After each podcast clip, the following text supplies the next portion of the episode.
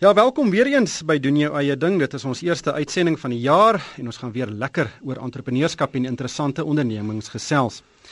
Gereelde luisteraars sal weet dat ek nie met groot koöperatiewe koöperatiewe entrepreneurs gesels nie, maar eerder met gewone mense wat self die groot stap geneem het om hulle eie ding te doen. En dit is daardie entrepreneurs wat vanuit hulle garages begin woeker het en dan stelselmatig hulle ondernemings opgebou het tot selfstandige en winsgewende besighede. En vandag is verseker nie 'n uitsondering nie. En ek gaan nou-nou met Dr Nico Norke van Language Inc gesels. Hy's 'n baie innoverende um, entrepreneur en hy het 'n onderneming in Stellenbosch begin wat ook sy oorsprong langs 'n grasnyer in sy garage gehad het. Dis werklik 'n inspirerende verhaal van hoe iemand met 'n klein idee 'n groot besigheid staan gemaak het. Dan het ek ook uh, vir hierdie jaar tientalle e-posse en SMS'e van luisteraars ontvang oor waar hulle kursusse in entrepreneurskap en sakebestuur kan loop. Dit lyk my daar is werklik 'n groot vraag na sulke kursusse en ek gaan later met professor Tommy Du Plessis van die Noordwes Universiteit hieroor gesels. Hy is self betrokke by verskeie entrepreneurskapsprogramme by die universiteit en die Afrikaanse Handelsinstituut en hy gaan vir ons sê watter kursusse is die moeite werd en watter om liefste vir my. Maar soos gewoonlik is Farid Breintjies van JRB Consulting ook saam met my in die ateljee. Goeiemôre Farid. Hallo Ryk, goed om hier te wees. Hmm.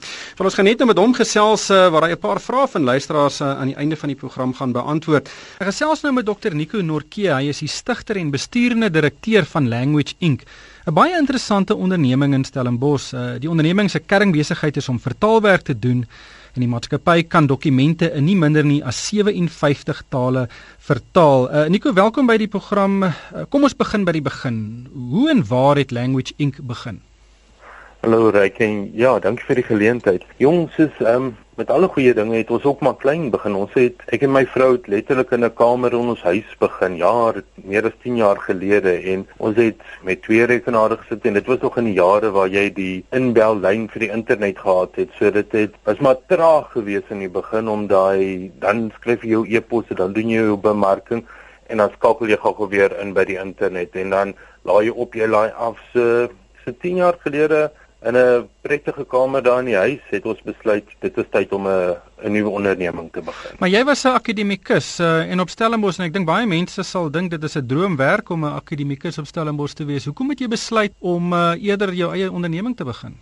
Kyk, ehm um, so lief as wat ek vir die akademie is en ek nog steeds 'n voet in die akademie, moet ek ook net byvoeg.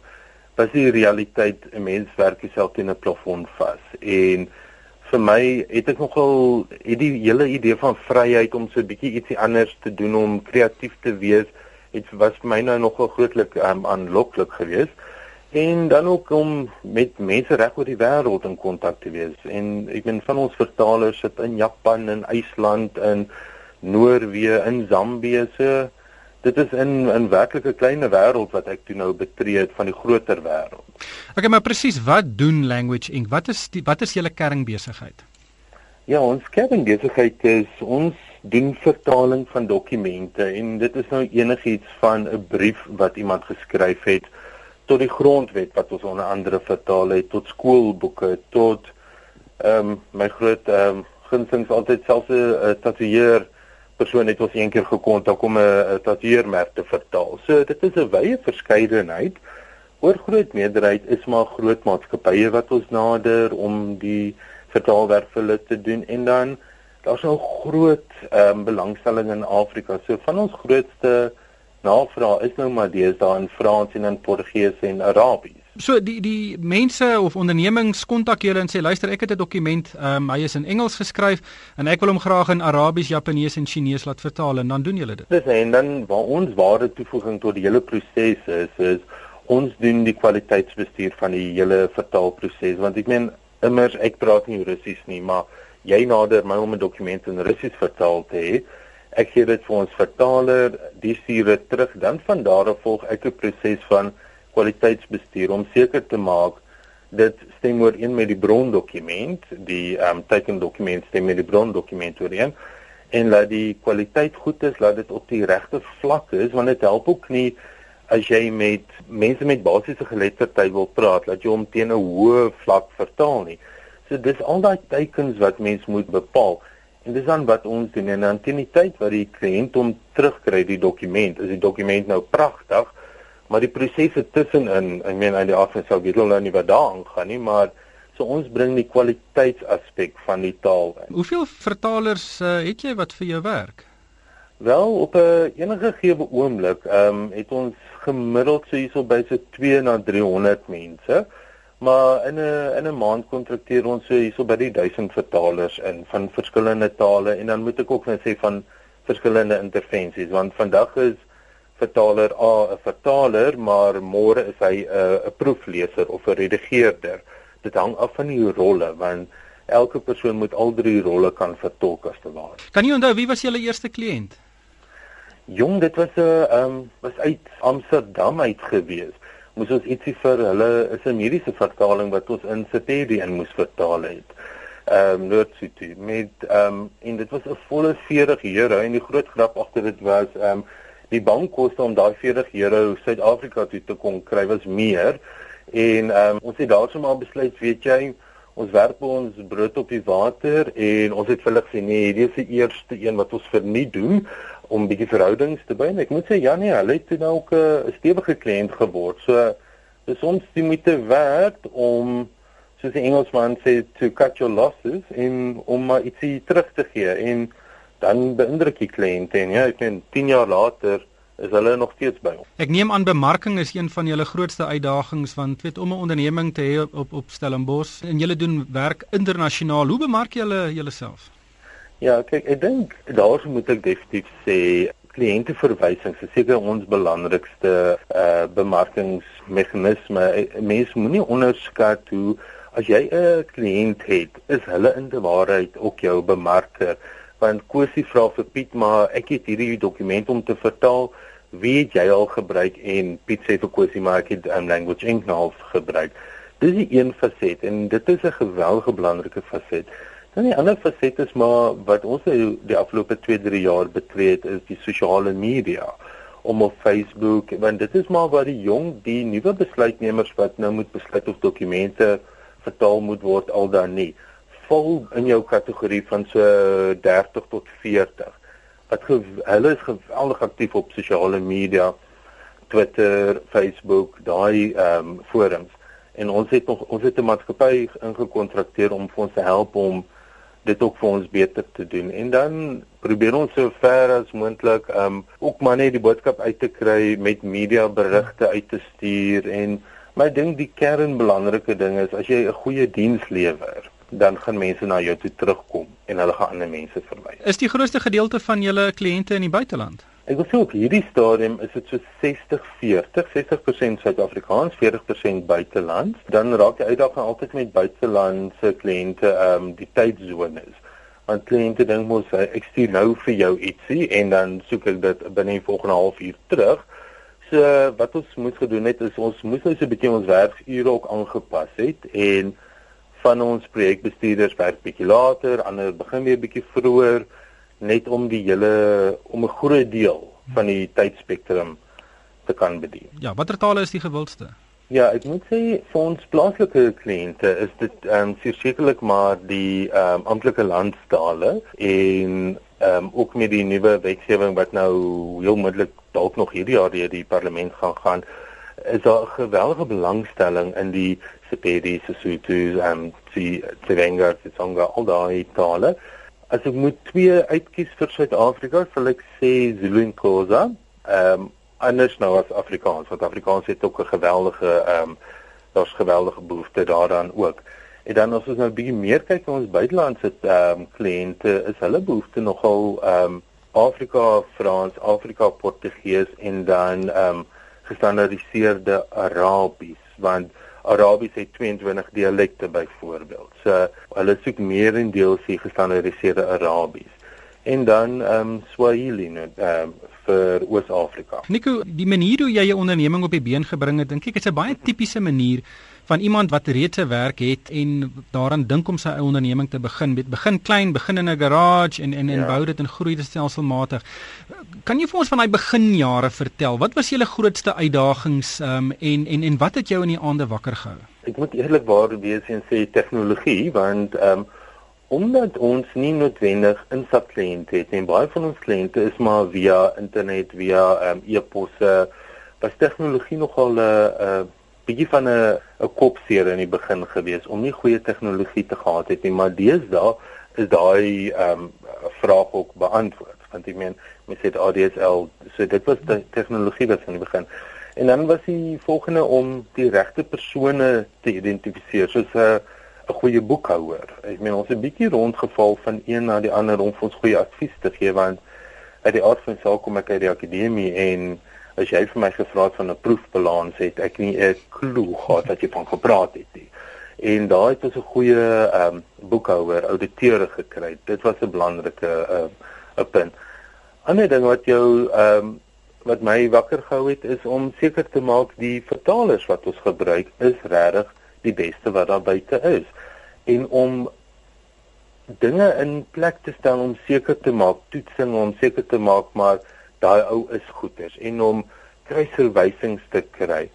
En ek dink dan op die einde van die dag om ehm um, vertroue aan die dag te lê want jy weet wat is jouself toe in staat, maar sodra jy op ander mense moet begin vir wag vir terugvoer van hulle, wag vir uh vertalings van hulle en hulle is nie noodwendig so vinnig op die ehm um, knoppie soos jy is nie, dan dit dit kan nog hulle kop seer raak. So ek dink jou eie diensverskaffers is 'n kardinale punt wat mens um, nou moet uitkyk. Moenie net enige iemand vat nie, moenie 'n buurman vat hmm. omdat jy 'n goeie vriende is of so nie. Maak seker die mense wat aan jou weer 'n diens verskaf is goed in wat hulle doen en en sal op tyd lewer. Want dit is ek meen kliënte soek iemand wat op tyd kan lewer. Wat sal jou raad wees aan voornemende entrepreneurs wat regtig graag hulle eie onderneming wil begin? Wat dink jy sien nou maar is die, die die drie grootste goeders wat hulle moet doen en regkry om sukses te verseker? Ek dink 'n mens moenie met die gedagte ingaan om te dink my eerste maand gaan ek 100 000 rand ehm um, verdien of wat ek wil. Ek dink begin klein, wees tevrede met klein begin.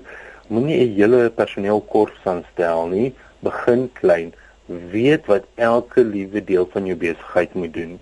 I mean ek is ehm um, ja, ek is nou die bestuurder en direkteur van Language Inc, maar die realiteit is ek doen nog steeds projekte. Ek skakel nog steeds met vertalers. Ek skakel nog steeds met kliënte. Ek doen nog steeds van die bemarking. Nie alles self nie. Ek het mense wat dit nou vir my doen, maar ek weet presies wat in elke departement aangaan. Want jare gelede toe ek in China was, het ek ehm um, by Starbucks ingestap daarso en die uitvoerende direkteur van Starbucks in um, China het actually aan my koffie bedien en dit het so 'n groot impak op my gemaak om te besef maar hoor hierso jy moet selfs bereid wees om koffie te skink as jy 'n uh, 'n koffiewinkel het. Moenie dink jy's beter omdat jy nou die uitvoerende direkteur is nie. Wees nederig. Dit is die eerste punt wat ek sou sê. Tweede punt, maak seker jy weet wie jy aanstel is mense met die regte ondervinding. Kwalifikasies is belangrik, ja, ja, vir sak, maar ondervinding en dat hulle weet hoe met mense te werk want ehm um, aard van die saak as iemand daai telefoon optel, wil jy 'n glimlag aan die ander kant hoor. Dat ek meen as jy in 'n in 'n besigheid gaan ingaan waar daar geweldig baie kompetisie is, as jy nie die beste diens in die beginstadia lewer nie, gaan jou kliënt elders gaan. En dan dink ek derdens, ehm um, derde punt is glo in jouself. Ehm um, glo jy kan dit doen en vertrou op jou vermoëns en as jy agterkom jy het nie 'n spesifieke ehm um, iets wat jy nodig het om dit te kan maak werk nie soos ek het byvoorbeeld myself ingeskryf vir 'n finansiële kursus om net seker te maak nie dat ek dit self alles wil doen nie maar om te weet wat is as 'n ouditeur praat oor jaar eind totale wat beteken dit so sit jouself ook maar weer 'n bietjie deur 'n skool en gaan gaan leer goeders. Dankie Nico, dit was Dr Nico Norke. Hy is die stigter en besturende direkteur van Language Inc. Farid is 'n inspirerende storie en 'n baie goeie voorbeeld van skoenmaker hou jou by jou lees. Ja, ryk, uh, Nico het uit die aard van die saak sy kundigheid gebruik uh om onder onderneming self aan die gang te kry. Hy het self in die onderneming gewerk sonder om noodwendig oorhoofse kostes aan te gaan. Maar ek dink wat uh, die groei tot gevolg gehad het is sy sy oorgang van doen dit jouself skoenmaker tot entrepreneur en die bestuurder van 'n onderneming. Want hy het toe besef dat om te groei het hy nie al die uh, kundigheid self aan boord nie en hy moet begin om 'n onderneming te bestuur eerder as om vertalings te doen. Um, en ek dink van die goed wat hy reg gedoen het is hy het die regte mense en die beste mense gekry en om daarmee on, omring uh, terwyl hy oorhoofs na die besigheid kyk en nie meer so seer in die onderneming werk nie maar baie meer aan die onderneming se groei werk. Ek gesels nou met professor Tommy Du Plessis van die Potchefstroom se Sakeskool. En hy het al diep spore in Suid-Afrika se entrepreneurswêreld getrap en hy is steeds aktief betrokke by verskeie kursusse om voornemende entrepreneurs te help om suksesvolle ondernemings op die been te bring en te bestuur. Professor, welkom by die program. Eh, daar's baie mense wat baie graag hulle eie ding wil doen, maar hulle is nie te bang om daai eerste sprong te maak. Is dit moontlik om 'n kursus te loop en dan is jou kans op sukses groter? Dankie Ryk. Ja, verseker, uh, ek dink dit is dis amper 'n voorvereiste want een van die groot redes hoekom besighede misluk, veral klein sake ondernemings, dit gaan oor bestuurskundigheid. Navorsing wêreldwyd wys dat die rede hoekom 'n uh, voornemende besigheidsonderneming maar net in 'n statistiek verander, met ander woorde, ek het misluk, is juis omdat bestuurskundigheid ontbreek. Weet jy, een van die probleme van 'n van die tipiese klein sake man of vrou is hulle begin 'n besigheid en daar's nie daar's nie iemand wat vir hulle kan touwys maak nie. Vergeleke met die koöperatiewe sektor. Jy het altyd iemand, 'n mentor wat jou leer hoe om die werk te doen. Maar baie mense begin 'n besigheid, hulle sit met 'n klompie geld en nou wil hulle sy eie besigheid uh, begin en daar is maar niemand wat vir hom by die hand kan vat en sê luister, so moet jy dit doen nie. En ek dink juis net vir daai rede moet moet elke sakeman, maak nie saak of jy nou 'n jaar of 10 jaar is, jy moet jy voortdurend streef om jou kundigheid uh te verbeter, veral wat die bestuur uh van 'n besigheid betref. Dinge verander. Hmm. Kom ons kyk net hoe elektronika oor die afgelope klompie jaar verander. En uh die sakeman, die sakevrou wat wil voorbly, moet werklik hulle self hulle eie kundigheid voortdurend opskerp anders dan gaan hulle verloor. Maar mens kry baie tipe kursusse. Jy kry die ene Saterdagoggend daar in die stadsaal of jy kry 'n volledige 3 jaar of 'n 4 jaar MBA wat jy kan loop. Nie almal kan 'n MBA doen nie. Hoe moet mens kyk na kort kursusse en ander tipe kursusse wat beskikbaar is? Wel, ek dink punt nommer 1, jy moet gaan kyk wie is dit wat dit aanbied. Hier is in Suid-Afrika werklik baie instellings wat kursusse aanbied. Uh, persoonlik sal ek sê kyk 'n bietjie of die mense wat die kursusse aanbied of hulle dan maar ook self ergens by besigheid betrokke was. Om boekkennis oor te dra is een ding. Om praktiese riglyne te gee van hoe werk dit in praktyk, dis 'n ander ding. En ek dink ou moet gaan kyk eh, wie is die aanbieder en so vir jouself besluit, nee, ek vertrou hierdie persoon. Hy het hom al 'n pad geloop en ek of die instelling het al 'n pad geloop. Ek sal bietjie twee keer dink voordat ek van iemand anders spreek maak. Net so te loops. Ek dink die vak entrepreneurskap of klein sake bestuur word landwyd omtrent in elke dorp aangebied. Maar nie almal weet presies hoe dit werk nie. En dis hoekom jy gaan instellings kry en veral jou besigheidskole in die land of daar's baie privaat instellings ook wat moeite doen wat hulle self kundiges intrek om hulle te help om die regte kennis oor te dra. Jy weet mense kan kennis op een van twee maniere kry. Jy kan een op die lang manier, jare lank werk, skoolgeld betaal, foute maak of jy kan gaan leer by iemand wat sê luister pas op hiervoor, doen hierdie ding op die manier en positief vir jou kan help om jou onderneming of nuwe onderneming van die grond af te. En waarop moet jy let as jy na die inhoud van daai kursus kyk? Watter elemente moet teenwoordig wees sodat jy nie jou geld mors nie? Wel, ek sou sê dat 'n ou moet gaan kyk na wat se bydra, wat se toegevoegde waarde kan daai kursus vir my gee in my onderneming waar ek is. As jy nou vir my sê, luister, ek gaan nou vir jou kursus gee en ek skaal nou nie hierdie kursus af nie want dit is nogal toevallig een van ons kursusse ook 'n kursus oor telefoonetiket. Moet jy weet vir wie is daai kursus? Gaan ek dit nou gee vir iemand wat nooit oor 'n telefoon praat nie? Gaan kyk, gaan pas. Gaan kyk vir jou plan, wie is die persone en jy as bestuurder, wat kan ek leer? Gaan kyk wat is my gebrek? Ek sal graag kom ons vat finansies. Ek sal graag baie meer oor finansies wil leer want ek weet niks van finansies af nie. Dan moet ek gaan kyk daai kursus wat ek gaan doen, het hy 'n komponent van finansies daarbey ingewerk. En ek dink die beginpunt is gaan kyk na die kurrikulum, gaan kyk na die vakke wat aangebied word en gaan kyk van daai okay, ek wil graag bietjie meer weet oor mense, hoe om met mense te, te werk. Ek wil bietjie meer weet van bemarkingsbestuur. Jy weet 'n klein saak onderneming het 'n moeilike taak. Uh, Daar's so 'n Engelse uitdrukking, jy must be uh, jack of all trades en jy moet meester wees in almal. So jy moet gaan kyk dis wat van 'n bestuurder, eienaar van 'n klein saakonderneming verwag word en wat is my eie profiel? Hoe pas dit daarbey en wat kan ek leer in die kursus? Ek is nou al seker vir meer as 10 jaar met, met betrokke by entrepreneurskap as 'n joernalis en vir my staan uit jy moet goeie finansiële vaardighede hê. Veral om met kontante werk om te sukses te behaal en dan die tweede ene wat net so belangrik is is jy moet met mense kan werk want 'n onderneming is net so goed soos sy mense. Ek dink daar's 3, daar's die derde ene wat jy ook by moet voeg. Jy is heeltemal reg met daai eerste twee. Maar die derde ene is bemarkingsbestuur. Dis reg. Weet jy 9 hulle sê 90% van die besighede wat dit nie maak nie maak dit omdat hy nie genoeg verkope het nie. En hoe kry jy verkope? Jy moet bemarking en bemarkingstegnieke en verkoopstegnieke. So daai drie, jy's heeltemal reg, finansiële bestuur, hoe om met mense te kan werk, sê nou maar, noem dit menslike hulpbronbestuur en dan bemarkingsbestuur. Dis die drie kerngoed vir enige ou om te kan weet. Daar kan ander goed bykom, administratiewe vaardighede, regsaspekte. Daai goed kan 'n ou later aan gaan byvoeg, maar as jy gaan begin met 'n besigheid, jy is 100% reg dat ons gaan kyk na daai drie kerngoed en dan vul ons dit aan soos dit aangaan. Professor net laastens, uh, daar's baie kursusse op die internet beskikbaar. Hoe goed is hulle en is hulle die moeite werd om te volg? Wel daar is, maar nou moet jy ou weer eens gaan kyk, is dit nou 'n kursus wat daar werklik moeite wie is die ontwikkelaar van daai kursus? Ek wil dit vir jou noem.